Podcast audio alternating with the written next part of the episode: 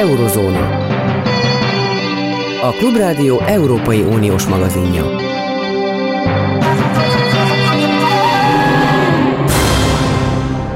Jó napot kívánok Zentai Péter távolétében, Kárpáti János köszönti Önöket. A mai műsorban három témával foglalkozunk. Először Orbán Viktor Magyarországával európai szemszögből. Utána Lengyelországot vesszük szemügyre. Végül pedig beszélgetünk Zentai Péterrel, aki Ukrajnában tartózkodik. Tartsanak velünk! Eurozóna.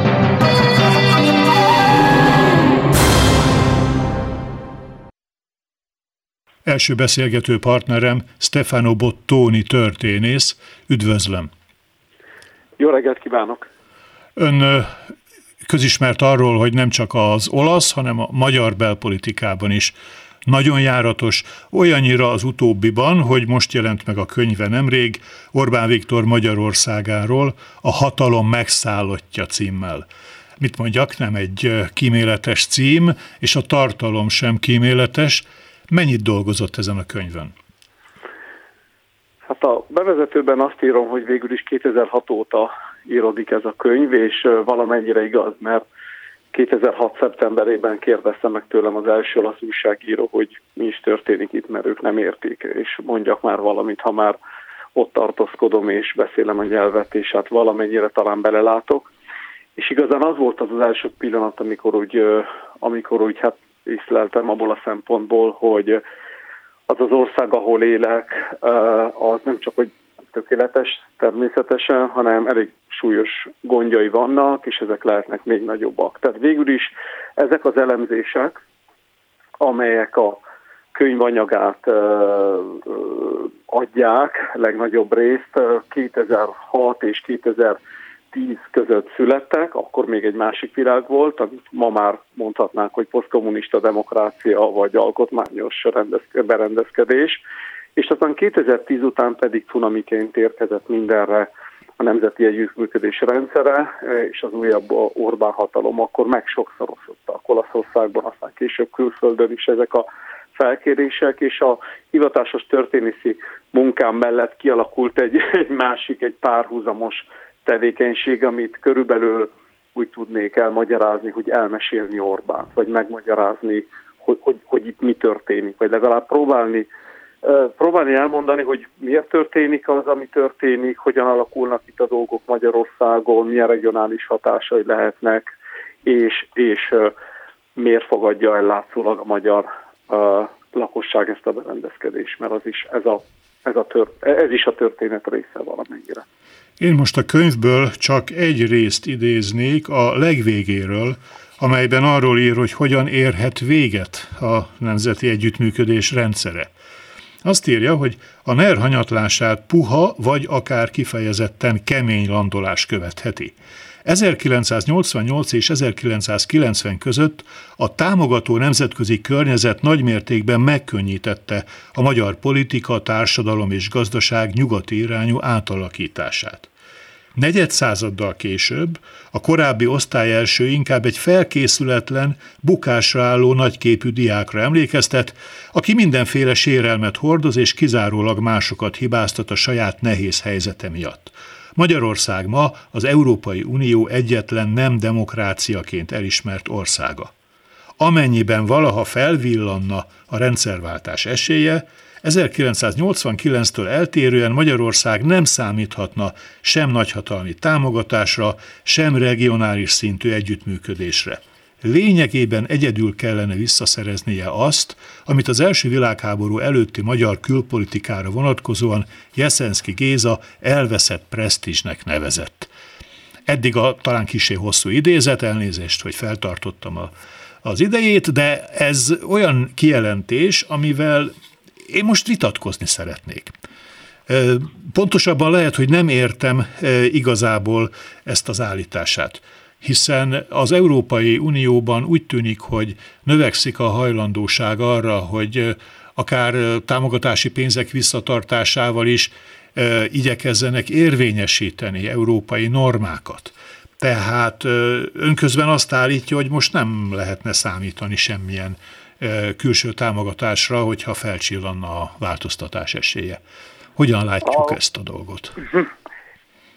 Az állításom arra vonatkozott, hogy sokan párhuzamban állítják a, a, a, az Orbáni pangást, ha így nevezük, tehát ezt az éret, de már lassan rothadó nemzeti együttműködés rendszert, a Brezsnyevi vagy éppen Kádári pangással a 80-as évek második felében, amikor úgy nagyjából mindenki sejtette, hogy ennek valamikor jó lenne, ha vége lenne, de senki nem merte megmondani, hogy pontosan mikor, vagy éppen cselekedni. De amikor sorra került ez a dolog, volt egy nagyon erős támogató közeg, egyrészt Gorbacsov a Szovjetunióban, azért megállapíthatjuk, hogy Putyin nem egyenlő Gorbacsovval, sőt, és ott volt egy erős, egységes támogató nyugat-európai közeg, ott volt az európai újraegyesülés, mint távlati lehetőség. És ott volt a regionális helyzet, ezek az országok, Magyarország, Lengyelország, Csehszlovákia, a többiek,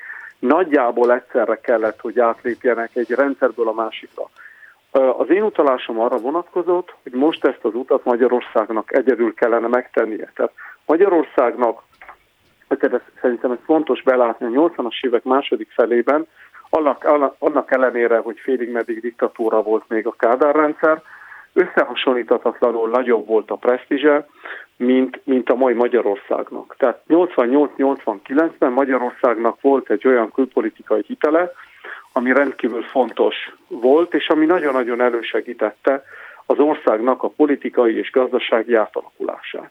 Ma ez egészen másképp van. Ezért, e, e, e, ezért utaltam a, a, a, a, az ország elszigetelődésére, mint egy olyan tényező, ami, amivel szerintem számolni kell. Tehát én nem hiszem, hogy senki részéről Európában túl nagy jó indulat lesz Magyarországgal kapcsolatosan. Túl sok minden történt, túl sok sérelem gyűlt, gyűlt fel, és ezért is fogalmaztam ezen a ponton, ez már a könyvnek a, az utolsó oldalának egyike, és sokat gondolkodtam az, az igazság ezeken a mondatokon, tehát tényleg nagyon ezeket a mondatokat körülbelül hónapokig kóstolgattam, hogy pontosan hogyan, hogyan írjam meg, hogy aki elolvassa, érezze ezt a gyomrost. Tehát én azt gondolom, hogy, hogy, hogy tudatosítani kell az olvasót, hogy pontosan, legalább szerintem, tehát pontosan hol tartunk, mennyire súlyos a helyzet, mert szerintem az,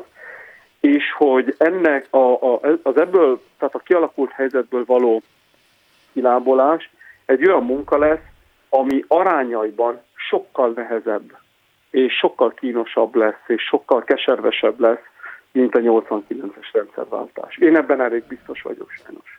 Igen, így most már az állításának az egyik felét teljesen világosan értem, a másik felét viszont még mindig csak sejtem.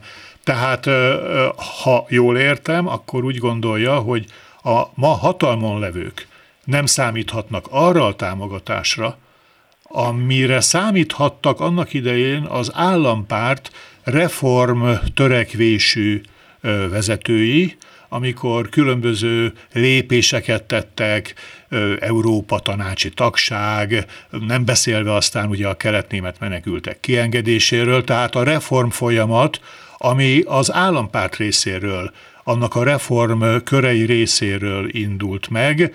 Az így, ugye most itt Magyarországon ilyen nincs, tehát a hatalmon levők iránt nem, nem várható semmilyen rokonszenv például Nyugat-Európából, és akkor nem beszélve arról, hogy, hogy Putyin nem Gorbacsov.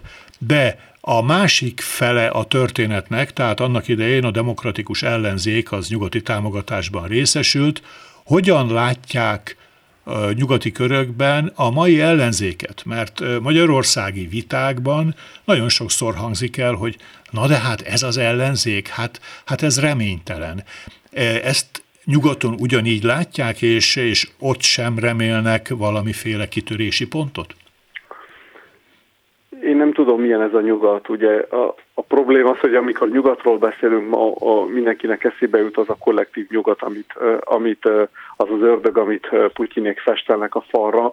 Tehát a nyugat egyáltalán nem egységes, vannak különböző párcsaládok, vannak érdekek, vannak érdekszövetségek. Tehát itt, itt tényleg nem, nem, nem mernék olyat olyat állítani, hogy, hogy, hogy van, egy, van ezzel kapcsolatosan egy nyugati álláspont. Egy dolog viszont elég biztos, hogy a, a narancsos forradalmaknak a kora valószínűleg uh, leáldozott. Tehát az a fajta forradalom, ami a 90-es évek második felétől uh, mondjuk a Majdánig, tehát 2014-ig több ízben, több országban próbált kialakítani egy mondjuk egy nyugati típusú demokráciát. Ilyen volt Szerbia 2000-ben, amikor Milosevic vesztette el a hatalmat, korábban így volt ö, ö, puhább változatban Mecsár hatalomvesztése Szlovákiában 98-as, ilyen volt Grúziában a Rozsák forradalma 2003-ban, Ukrajnában 2004-ben. Tehát ilyen,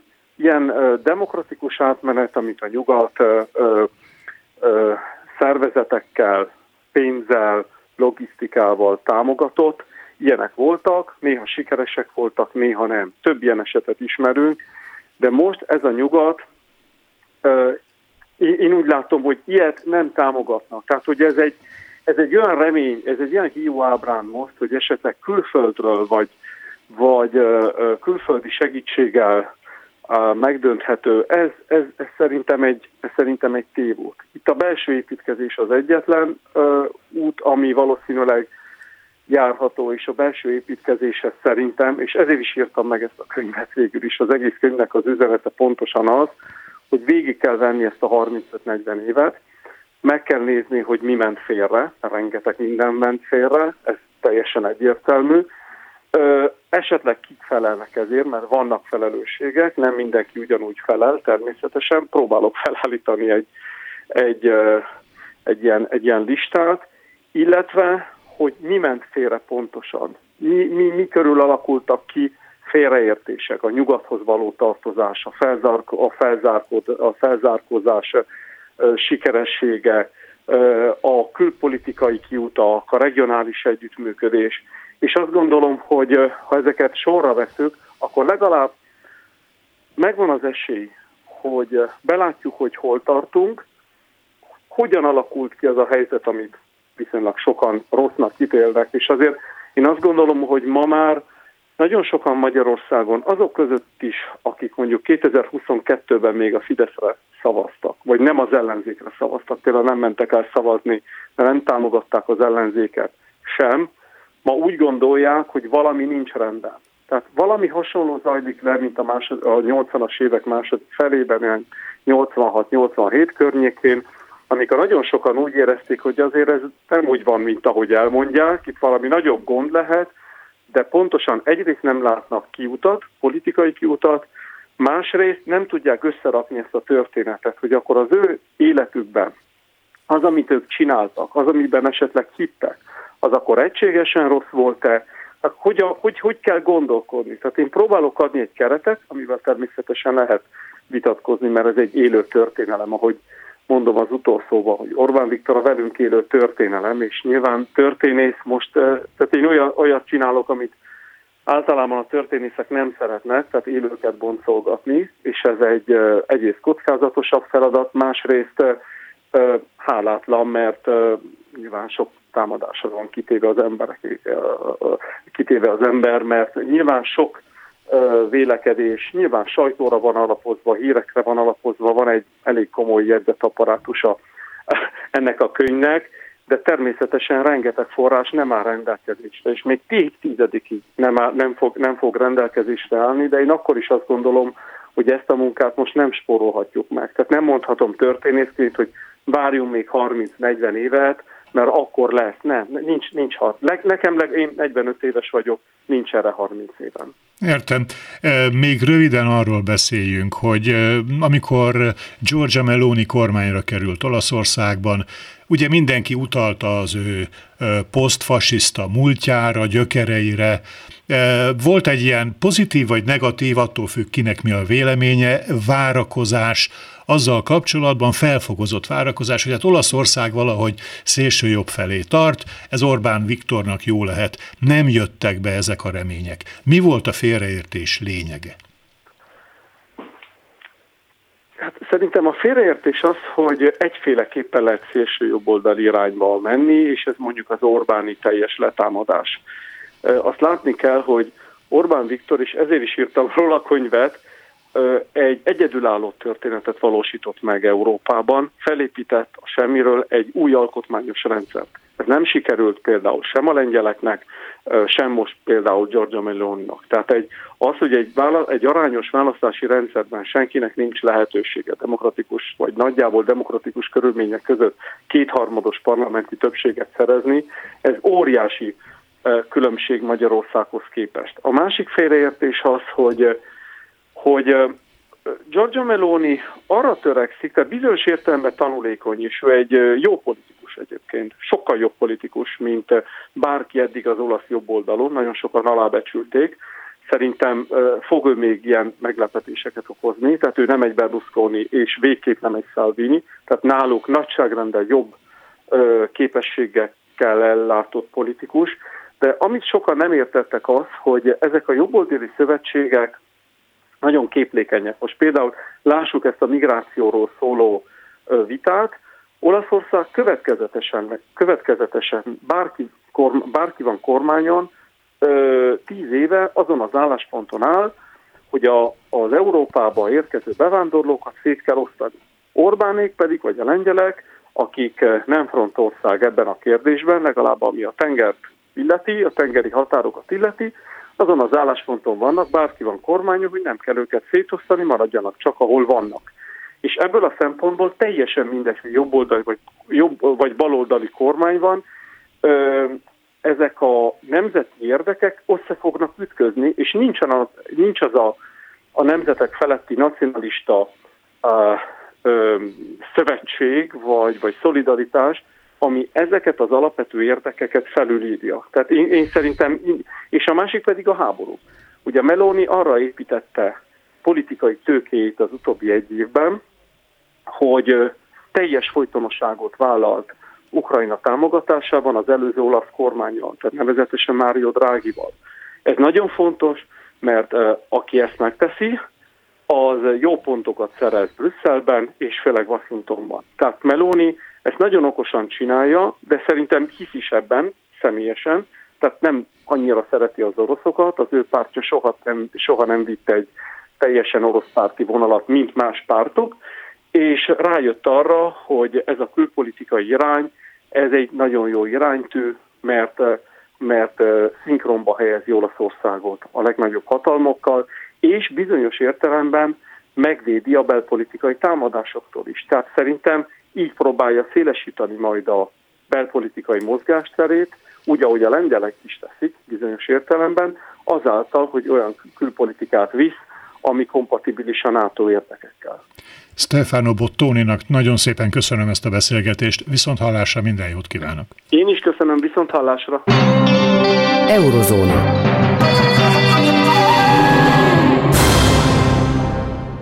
Második beszélgető partnerem pedig Gordon István Lengyelország szakértő, akivel arról beszélünk, hogy az utóbbi időben jogállami problémák mellé egy sajátos történelmi, elszámoltatási, orosz kapcsolati, nagyon furcsa probléma merült fel Lengyelországban, nevezetesen az, hogy 2007 utáni együttműködés az oroszokkal kinek lehet vajon a sara.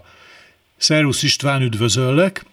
Szervusz, üdvözlöm a hallgatókat is! És avas be minket, légy szíves ebbe a kisé kusza hátterű történetbe.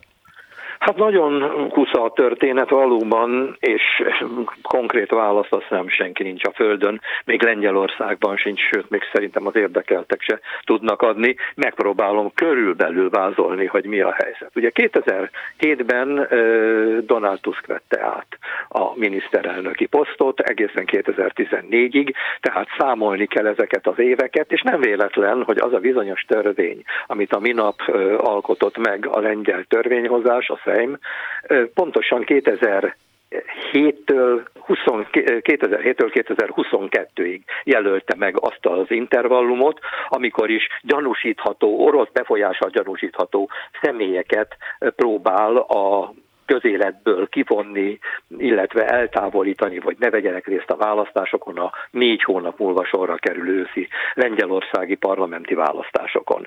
Na most ha megnézzük, hogy mi fér bele ebbe a 2007-be, 2022-be, és mi az, amit a kedves hallgatók is ismernek egészen biztosan, az 2010 április 10-e, ez a Smolenski tragédia, amikor is az akkori államfő Lech Kaczynski, tehát Jaroszláv Kaczynskinak az ikertestvére 95 emberrel egyetemben lezuhant nem messze Katintytól. Az ünnepségre mentek, Katiny, hát az nem ünnepség, inkább megemlékezés volt, és nem értek el a helyszínre, lezuhant a repülőgépük. Utána pár óra múlva megjelent egy kép a világhálón, amint Tusk és Putyin üdvözli egymást. Hát természetesen a, a, a miniszterelnöknek, vagy a lengyel miniszterelnöknek kötelessége volt azonnal a helyszínre utazni. Nem tudom a részleteket, egy állókép áll mindenki rendelkezésére, bizonyára volt akkor videó,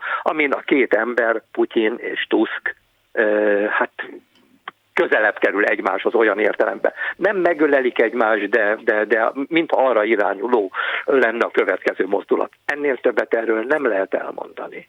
Tehát Tusk különben is már régen a lengyel kormánypolitikusok bögyében volt, másokszor próbálták őt karaktergyilkossággal elintézni, nem sikerült. Volt már ő, német Bérenc születése helyétől kifolyólag, Gdansk, Danzig, ugye a kedves hallgatók bizonyára emlékeznek, hogy akkoriban még Danzig volt Gdansknek a neve, tehát német, hogy apja német származású Hitler gépkocsi vezetője volt, szóval mindent kitaláltak rá, hogyha a töredéke, vagy akár csak egy mondat is igaz egészből, akkor már eléggé ez lenne szomorodva Donald.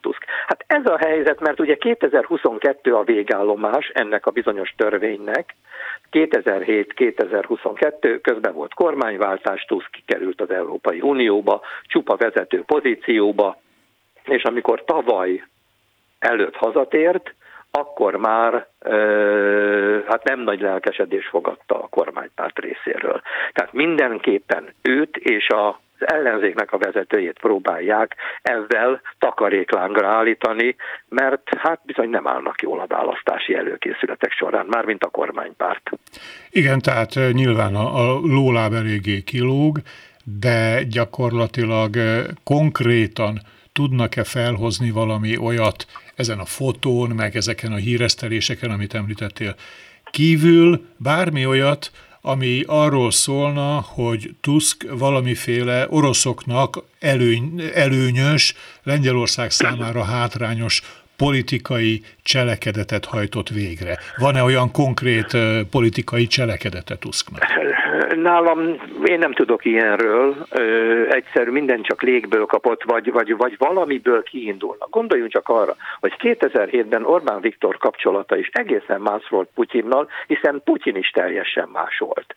Tehát akkor még arra törekedtek, hogy azért egy bizonyos szinten bármennyire is, én most már kimerem mondani, ha használjuk így, hogy orosz gyűlölet. Az orosz gyűlölet folyamatosan benne van a lengyel hétköznapokban, a lengyel történelemből ö, adódóan, tehát ez az orosz gyűlölet, ez egyértelműen a későbbiekben kezdett azért egyre inkább, mindig is erős volt, de a kulminációs pontját, tehát azt a háború kitörése, az ukrán-orosz háború kitörése után ért el. Tehát én pontosan semmi, tehát nem tudok mondani egyetlen egy olyan tényezőt sem, ami azt mondom, hogy ez van, és ezért lehet Tuskot utálni. Nem szeretik Lengyelországban az ellenzék sem szereti, különböző okok miatt, ha érdekes lehet ez valamilyen szempontból, akkor visszatérhetünk rá, de nincs különösebb jelentősége. Igazából akkor most hogy áll ennek a törvénynek a, az ügye? Elfogadta a Szejm? Nagyon furán. Most ez a központi téma, a hétvégi, múlt hétvégi tüntetés követően, ugyanis több kolumnás cikk jelenik meg több újságban erről, hogy Duda milyen hibát, Andrzej Duda köztársasági elnök milyen hibát követett el. Ugyanis neki kell a Szejm döntését jóvá hagynia. A köztársasági elnök fogta magát, aláírta, de úgy gondolta, hogy nem ártana egy kontroll az állam, az, alkotmánybíróság részéről. Aztán három nap múlva kiderítette, hogy mégse lesz jó ez, amit ő aláírt, tehát visszakérte, mondván, hogy ezen még ő is dolgozik egy kicsit. Közben különböző beszédeket tartott, amelyel teljesen megzavart mindenkit. Egy nagyon fura helyzet alakult ki. Ugyanis 2025-ben, bármennyire is távoli a dolog, de ide kapcsolódik még hozzá nagyon szorosan. 2025-ben az államfő új államfőt választanak, mivel két ciklust Andrzej Duda már megtett, megtesz addigra, így többet meg nem választható. Fiatalember, alig múlt 50 éves, tehát előtte még a jövő, és ő dolgozni szerette, mégpedig külföldön nevezetesen valamilyen nemzetközi szervezetben. Szóba jöhet az Európai, az Unió, szóba jöhet az ENSZ, a NATO, mindenfelé próbál. Hát nem véletlen, hogy 12 alkalommal találkozott például az Egyesült Államok elnökével, Donald Tuskkal. Azt hiszem egyetlen egy... Trumpal, Donald Trumpal. Bocsánat, Trumpal.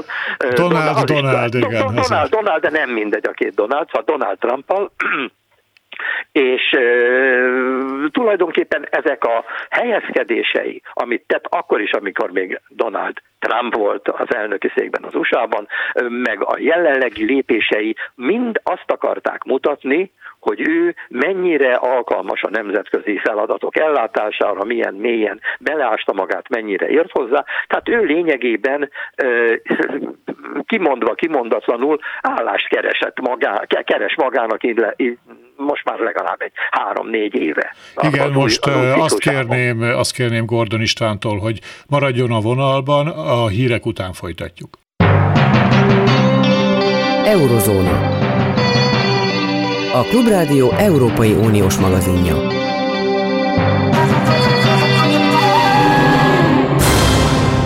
Folytatjuk Gordon Istvánnal a beszélgetést a lengyelországi helyzetről. Ott tartottunk, hogy Duda államfő állást keres magának a világban, és ezért szeretne nem rossz döntést hozni ezzel a törvényel kapcsolatban, de hát ugye akkor most meggondolta magát, és visszakérte. Milyen jogi Igen. helyzet ez valójában? Értelmezhető-e jogilag? Ez, ez, ez, ez nem értelmezhető, és pontosan ezt hányják a személyre, hogy egyszerűen kapkod, nem tudja, hogy mit csinál, egyértelmű az arcvesztése. Tehát ebből azt mondják, már mint a lengyel szakértők, hogy ebből rövid időn belül nagyon nehezen tud majd kimászni, és, és tulajdonképpen hosszú távra elrontotta a renoméját. Ez, ez egyértelmű. Na most ugye az elnökválasztás tehát 25-ben lesz, de idén ősszel parlamenti választás várható Lengyelországban. Mik az esélyek, mik a legfrissebb közvéleménykutatási adatok, hogy áll a kormányoldal és az ellenzék, illetve az ellenzék mennyire egy?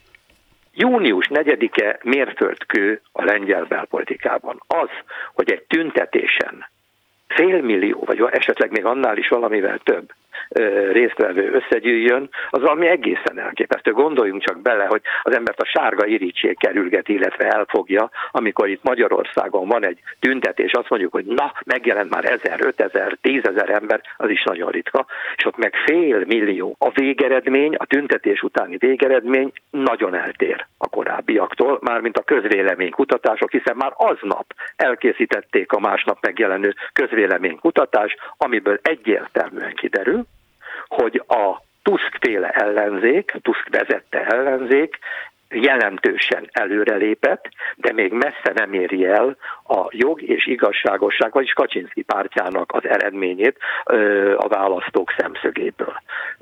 Hadd menjek bele kicsit számokba is. Igen.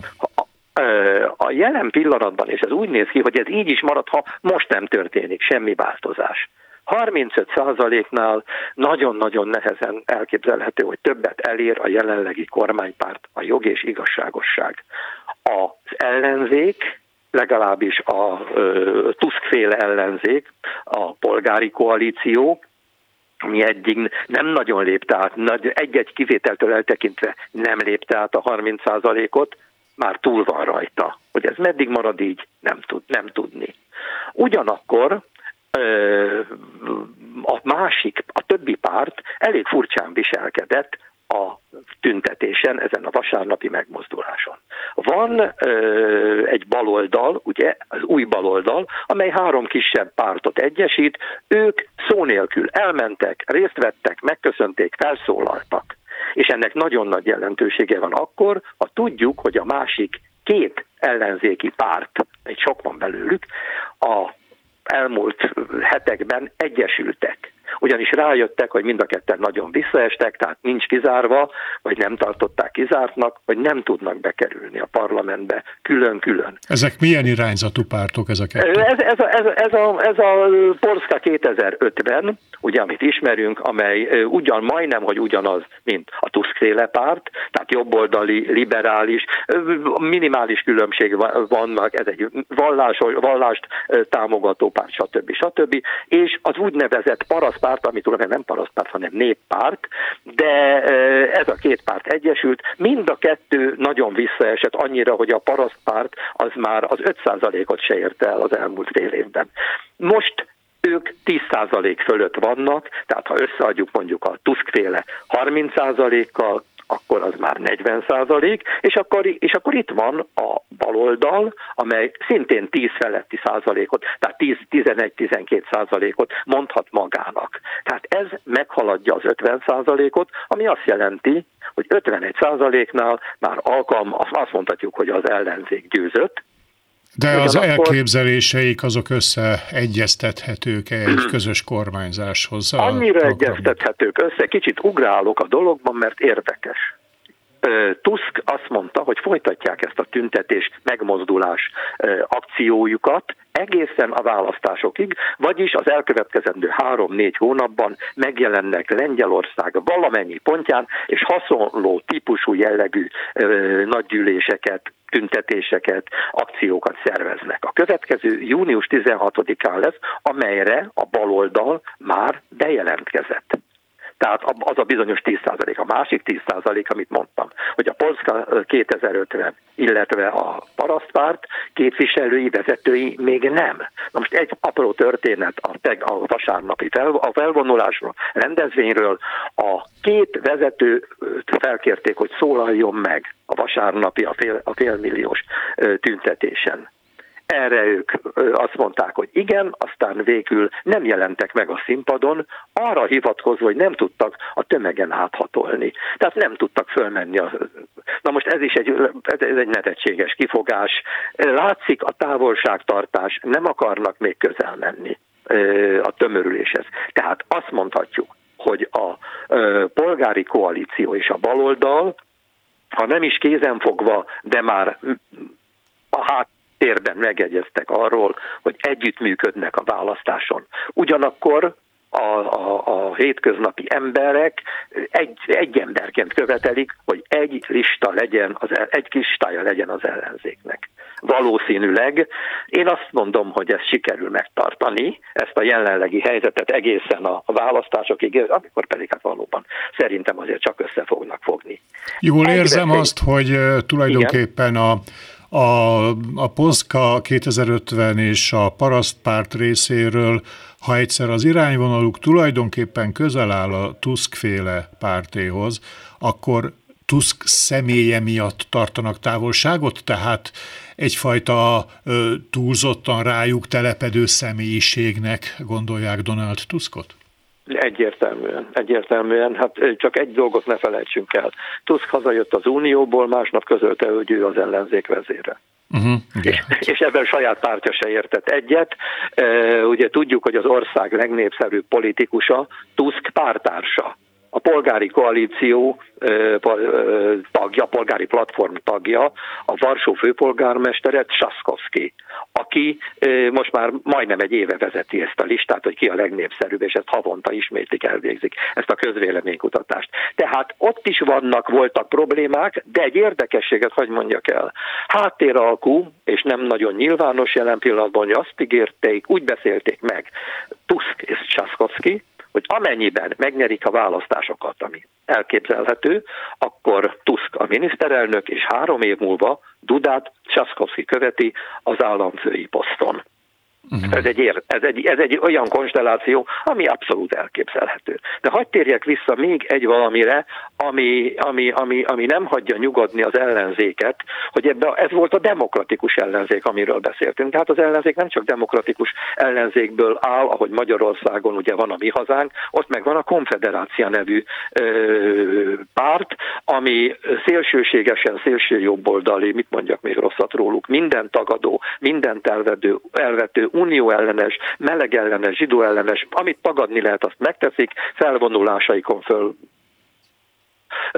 lobbantják a lánkot Varsóban, tehát nem egy tűzeset volt már, és ez a csapat, ez a konfederáció különböző belső problémák miatt szétvált, és utána három része szakadt, de összefognak. Már ők is megegyeztek. Tudom, bonyolult a helyzet, de hát ez van, és az év elejétől kezdve, hogy februárban a számuk, a létszámuk meg, meg háromszorozott, megduplázódott.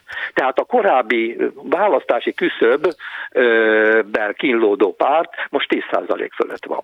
És ha az utolsó percben most határozottan tiltakoznak az ellen, hogy összefognának a pisszel, a jog és igazságossággal, de az ördög nem alszik, és lehet, hogy a végén azt mondják, na jó, azért, hogy ne az ellenzék győzön, fogjunk össze. Beszéljünk még a hátralevő időben arról, hogy milyen a lengyel-magyar viszony alakulása tekintettel arra, hogy nem szűnnek a Lengyelországgal kapcsolatos brüsszeli kifogások. Tehát annak ellenére, hogy, hogy Kaczynszki és Orbán Viktor egészen eltérően látja az ukrajnai háború kérdéskörét. Végül is a Brüsszellel vívott csatákban közös platformon vannak, e, mennyi nehézséget okoz ennek az összeegyeztetése, ha esetleg, ugye most, e, most például közösen nemmel szavaztak az európai menekültügyi politikára, de itt nem volt vétójoguk. Tehát hogy alakul ez a kettős?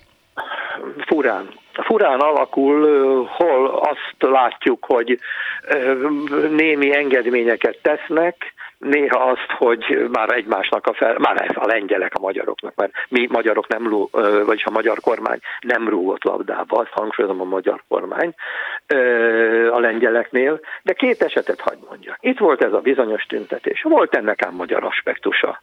Az egyik, talán te is láttad meg, kedves hallgatók közül is néhányan, hogy volt egy olyan transzparens, amelyen az orosz barátokat említik. Ezen rajta volt Salvini, Marine Le Pen, Kaczynski, és Orbán Viktor. Na most ugye tudjuk, hogy Kaczynszkinak köze nincs az orosz szeretethez. Jó, csak mondtam, hogy itt megemlítették Orbán Viktor, és ugyanakkor egy szívmelengető dolog. Elhangzott egy zeneszám is két beszéd között és ez a, zene, ez, a, ez a zeneszám a legnépszerűbb, ma a legnépszerűbb lengyel énekesnő énekelte, ez nem volt más, mint egy pál utcai fiúk nevezetű együttesnek a régi dala. Ők uh-huh. nagyon tudják, hiszen bocsánat, hogy nem itt tartozik a téma, de 50 éven keresztül kötelező olvasmány volt Lengyelországban a Pál utcai fiúk, és az, hogy nemecsek, a lengyelek ugyanúgy használják, mint mi, ismerik. Nem véletlen ez a, ez a dolog. Még egy dolog, a következő össze rösztenés találkozó tulajdonképpen, amit mondok, ez a nagy arányú tüntetés, az június 16-án lesz. Ne feledjük el, hogy 56 szintén a lengyeleknél kezdődött, és júniusban. Nem vagyok benne biztos, hogy a Tusk nem talált-e valami fogódzót erre vonatkozóan is. Amúgy egyébként a lengyelek igenis nagyon félnek, nehogy azonos kosárba e, kerüljenek a magyarokkal. Se az Európai Unióban, semmilyen más nemzetközi konstellációban, mert most is arra hívta föl az egyik e, európai parlamenti képviselő. A figyelmet, hogy álljunk meg, próbáljunk itt változtatni egy bizonyos területen, mindegy, hogy mi az, csak bizonyos területen, mert ezzel össze, összehasonlíthatnak a magyarokkal, és esetleg közös nevezőre hozhatnak bennünket. Tehát ők ettől azért tartanak, és ez a különállás, ez a távolodás, és nem véletlen, hogy nem velünk, hanem a románokkal, bulgárokkal és másokkal próbálnak egy újabb, újabb szövetséget kialakítani. Nagyon szépen köszönöm Gordon Istvánnak ezt a beszélgetést. A lengyel helyzetet nem oldottuk meg, hanem továbbra is napirenden tartjuk. Szervusz, legjobbakat kívánok! Szervusz, köszönöm szépen! Eurozóna. És most, ha minden igaz, akkor itt van a vonalban, telefonvonalban Zentai Péter kollégánk, aki Ukrajnában tartózkodik. Szervusz, haló! Igen, szervusz, jó napot kívánok! Hol vagy, merre jársz, Péter? Nézd, továbbra is Ogyesszában tartózkodom, bár hosszúnak tűnik az idő, amit e, már e, Ukrajnában töltöttem, de valójában rövid, mert tudod, hogy mikor érkeztem? 48-50 órával ezelőtt, tehát még bőven van időm itt körülnézni, és megmondom neked őszintén, és megmondom a hallgatóknak, hogy egy olyan városról van szó, csak Lövören, ahol az ember tud élni magyar emberként is tud élni, annak ellenére, hogy Magyarországnak nagyon rossz a híre, eh, a magyar vezetésnek a lehető legrosszabb, a magyar emberekre nem haragszanak, de fölvetődik az, egy, az egyes emberekben a kérdés, nem is akármilyen intelligens emberekben, hanem egyszerű emberekben, hogy hogy a csodában lehetséges az, hogy Magyarországot hagyja az Európai Unió tagjai között. Ezt kérem szépen egy építésvezetőtől hallottam, egy katonától hallottam, és a vonaton egy falusi asszonytól, aki városból falura költözött, ott gazdálkodik, mert félti a gyerekeit, és jobb falun lenni ilyenkor, mint városban azt mond meg nekem, hogy a magyarok iránti hát megértés, az egyszerű magyarok iránti megértés és a kormányjal szembeni ellenérzések, azok gyakorlatilag mennyire jönnek a kormány propagandából kizárólag, mennyire ellenzéki médiából is, van-e különbség egyáltalán ilyen tekintetben a kettő között? Nem, Ukrajnában ez egy, egy, ez egy nagyon egységes vélemény. Olyan egységes, mint az, hogy bárki eh, vagy szeretheti Zelenszkit banditáknak tarthatja, a kormányon lévőket eh, korruptaknak tarthatják. Tudják, hogy van egy tendenciózus hazafias nemzeti nacionalista propaganda, de olyan értelmesek, csak értelmesebb, és egyre értelmesebbek az emberek, és tudják ilyenkor, hogy hol kell, hol kell állnunk. Te is ott voltál talán 2010, 2001. szeptember 11-én Amerikában, amikor az amerikai zászló eh, az azt jelentette, hogy japán-amerikai, arab-amerikai, zsidó-amerikai, mindenféle amerikai számára a legszentebb az amerikai zászló. Most ott vagyunk, hogy ukrán-oroszok, eh, eh, vagy orosz-ukránok, üzbég-ukránok, zsidó-ukránok, arab-ukrán, mindenféle ukrán, mindenki ukránnak mondja magát, és tisztában vannak azzal, hogy most egy oldalon kell lenni. És mindenki tudja, hogy Magyarország melyik oldalon van. Ebből senkinek egy pici kétsége sincs, és mindenki tud róluk. Azt mondd meg még, hogy az, azóta, hogy elindultál, Ugye történtek nagyon komoly fejlemények, volt ugye a gátrobbantás, és tegnapi hír szerint talán megindult az a bizonyos régóta, hónapok óta várt offenzíva. Legalábbis a, a médiából ez kezd kirajzolódni. Mennyire érzékeled, érzékeled-e valamennyire a, az ottani embereken, hogy ezek a hírek most hogy befolyásolják a, a véleményüket, agodalmat keltenek, riadalmat, reményt, valami új, friss impressziód van-e ilyen tekintetben? Amiről beszélnek, az nem más, mint az innen 220 kilométernyire elévő Kerszon városában élő honfitársak, ukránok, hogy a ukránoknak a helyzete, e, közülük nagyon sokat hoznak át ide, egyre többen, többet. Az áruházakban, a, a vendéglőkben gyűjtenek, gyűjtések vannak, minden, mindenütt gyűjtenek, és jönnek a csomagokkal, lefényképeztem ilyen csomaggyűjtő helyeket, de maguk a legelők előtt szállodák is elhelyeznek tárolókat azoknak, akik akarják segíteni azokat, akik majd jönni fognak ebbe a városba, amely biztonságosnak tűnik. Az ellenoffenzíváról senki nem beszél, illetve beszélnek, hogy vagy úgy van, vagy nem úgy van. Hozzá vannak szoktatva, hogy a saját hazájuknak a propagandája nem nekik szól valójában. A hazafiasság az nekik szól, de hisznek a hazájukban, hisznek a kormánynak alapvetően, de tudják, hogy dezinformációk is vannak, amelyek nem az ukrán embereknek szólnak,